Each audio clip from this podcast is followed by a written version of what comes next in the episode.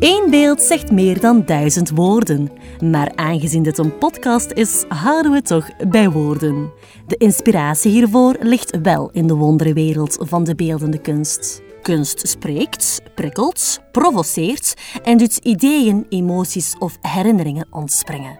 Vergeet eens even de drukte, leun achterover en mijmer mee met onze columnisten als ze de vele kleuren van kunst en geloof schilderen in beeldspraak. Met vandaag een column van Wouter van Hoof. Ik ben het hoofdpersonage van mijn leven. Het universum draait om mij. Ontmoetingen met andere mensen, geluk en drama dat me toevalt, alles draagt bij tot de uitdieping van mijn karakter, tot mijn ontwikkeling, tot mijn persoonlijke groei. Wie door mij slecht behandeld wordt, vormt een voetnoot in mijn ontdekkingstocht naar wat het inhoudt een goed mens te zijn. Het klinkt vuig en egocentrisch, maar het is wel een manier van denken waar ik mezelf op betrap als ik de gewone dagelijkse werkelijkheid van mijn leven beschouw. Ik verkondig het niet expliciet natuurlijk, maar mijn gedrag lijkt wel vaak op die leest geschoeid. Misschien valt het mij nog wel het meest op wanneer ik tracht gebeurtenissen van langer geleden te evalueren. Ik heb tijd te over om te bedenken wat een gebeurtenis of een ontmoeting met mij heeft gedaan. Naar het effect dat er bij andere betrokkenen is gesorteerd, gis ik weinig of niet. Het is moeilijk om aandacht te hebben voor de dingen buiten mijn blikveld. Ik neem je even mee in de aanschouwing van een werk waarin ik de vraag naar het blikveld zie opduiken. Er wordt ook in neergedoken, overigens.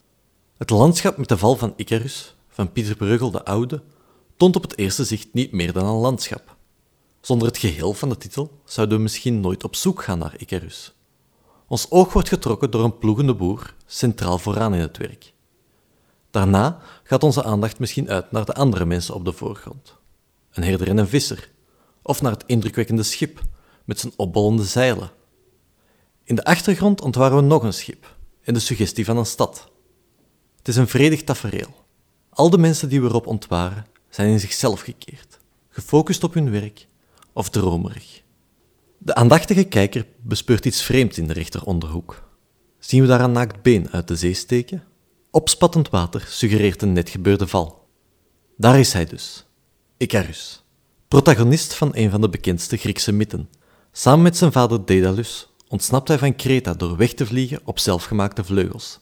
Afhankelijk van in welk museum we staan, vinden we Daedalus wel of niet terug op het schilderij.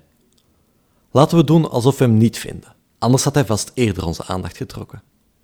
Daedalus waarschuwt Icarus niet te hoog te vliegen, maar in de vreugde van de geslaagde ontsnapping wordt Icarus hoogmoedig en slaat de raad van zijn vader in de wind. Zijn vleugels komen los en hij stort in zee. Een tragisch einde, net nu vader en zoon veilig huiswaarts leken te kunnen gaan. De happy Hollywood ending, ruw afgebroken. Niemand op het schilderij is geïnteresseerd in Icarus. Het schilderij zelf lijkt niet eens geïnteresseerd in Icarus. Hij lijkt bijna een easter egg, een knipoog voor mensen die schilderij benaderen als waar is Wally-platen. Waar de Icarus-mythe wil waarschuwen voor menselijke hoogmoed, lijkt het schilderij op iets heel anders de aandacht te vestigen. Onverschilligheid en zelfgenoegzaamheid.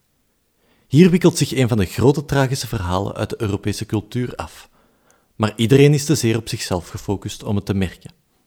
Zijn die mensen op het schilderij, onverstoorbaar als ze verder gaan, slechte mensen? Dat geloof ik niet. Ze hebben het gewoon niet gezien. In hun menselijkheid zijn ze het hoofdpersonage van hun eigen verhaal. Je kan het de boer moeilijk verwijten dat hij zichzelf het centrum zou wanen van dit schilderij waarop hij centraal geplaatst staat. En zo wordt het een knakende vraag aan ons allemaal in dit werk. Heb je het gezien? Heb je die ander gezien die een hoofdpersonage is in zijn eigen leven? Heb je herkend dat hij net als jij is? Heb je je naaste herkend? Of stort de onfortuinlijke Icarus onopgemerkt langs de rand van je blikveld?